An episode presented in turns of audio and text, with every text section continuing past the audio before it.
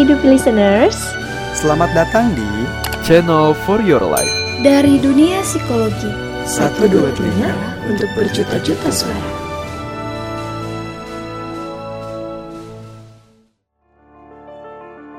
Hai Sobat Dupi Sama aku Arifan. Kita bahas seputar kesehatan mental yuk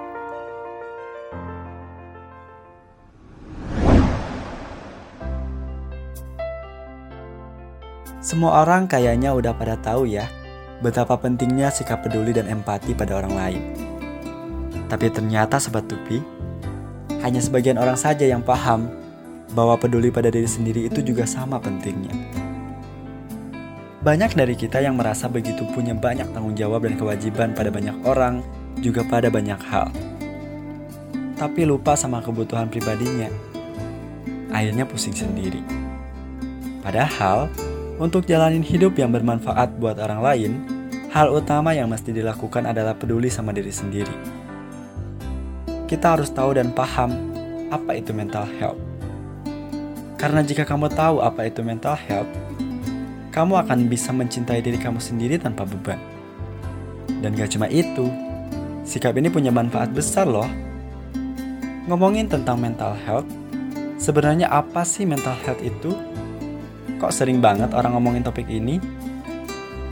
Mental health itu dalam bahasa Indonesianya yaitu tentang menjaga kesehatan jiwa.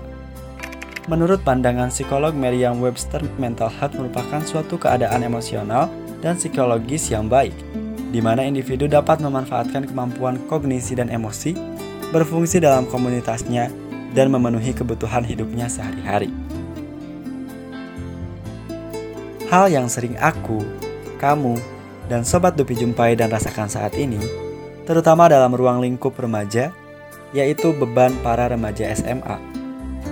Tuntutan demi tuntutan yang sedang dihadapi juga kebimbangan meniti masa depan.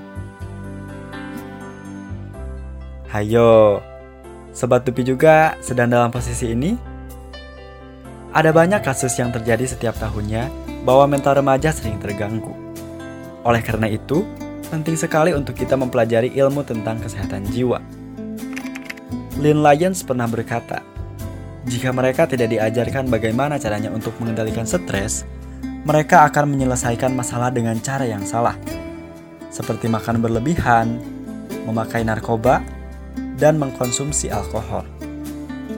Oh iya, sebelum kita masuk ke cara menjaga kesehatan mental, alangkah baiknya kita harus tahu dulu nih apa saja sih tanda-tanda kita memiliki kesehatan mental yang kurang baik? Ini dia. 1. Kita akan merasa sedih yang berkepanjangan atau terkadang kita tanpa ada sebab yang jelas kita merasa sedih. Hal ini terjadi mungkin karena ada masalah yang belum kita selesaikan atau bisa jadi trauma di masa lalu yang mengakibatkan kita sedih berkepanjangan. 2 mati rasa atau tidak peduli dengan lingkungan sekitar. Hal ini dikarenakan mungkin kita sudah berusaha melakukan yang terbaik. Akan tetapi usaha kita tidak dihargai oleh orang lain, sehingga memilih menjadi orang yang bodoh amat dengan lingkungan sekitarnya atau bisa dibilang cuek dan tidak peduli. Padahal yang sebenarnya tidak demikian seperti itu. 3. Sering marah berlebihan dan sangat sensitif.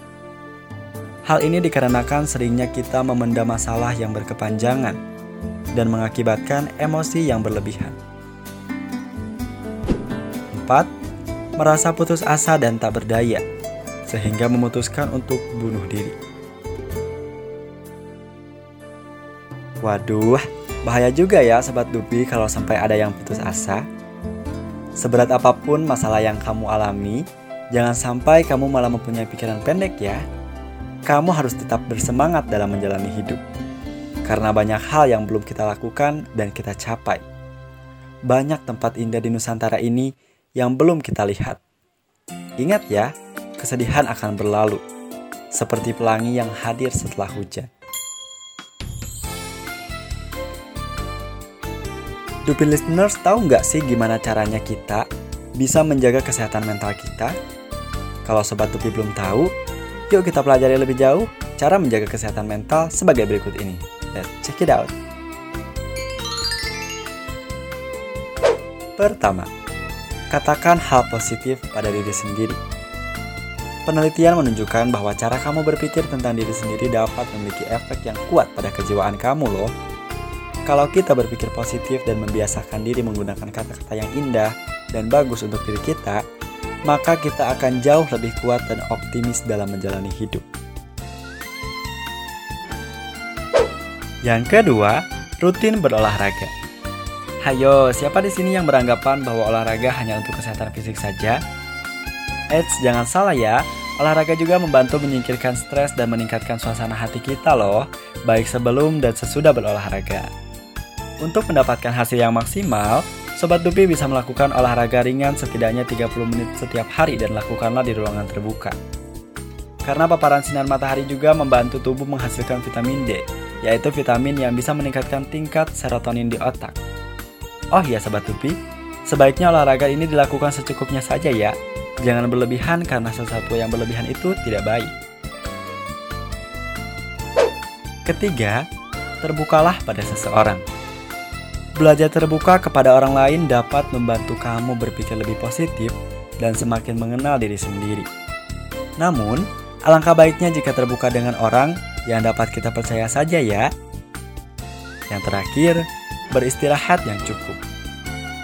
Dupi listener, siapa yang di sini suka overthinking mulu? Sobat Dupi tahu nggak? Overthinking yang tidak perlu dan berlebihan itu tidak baik karena selain dapat mengganggu jam istirahat, juga otak akan cepat lelah.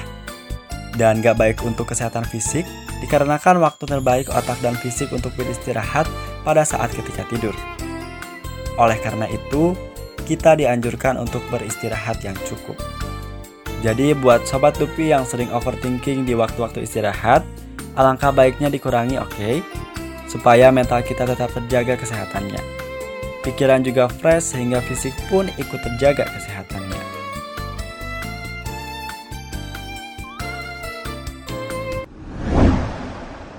Nah, sampai di sini perbincangan mengenai mental health yang dapat aku sampaikan. Semoga bermanfaat ya. Bersama-sama, yuk jaga kesehatan mental kita Sayangi diri sendiri dulu, baru sayangi orang lain. Tetap sehat dan semangat ya. Aku Arifat tak bosan-bosannya mengingatkan. Jangan lupa cek podcast lainnya ya. Share juga ke teman-teman kamu. Akhir kata, sampai jumpa lagi.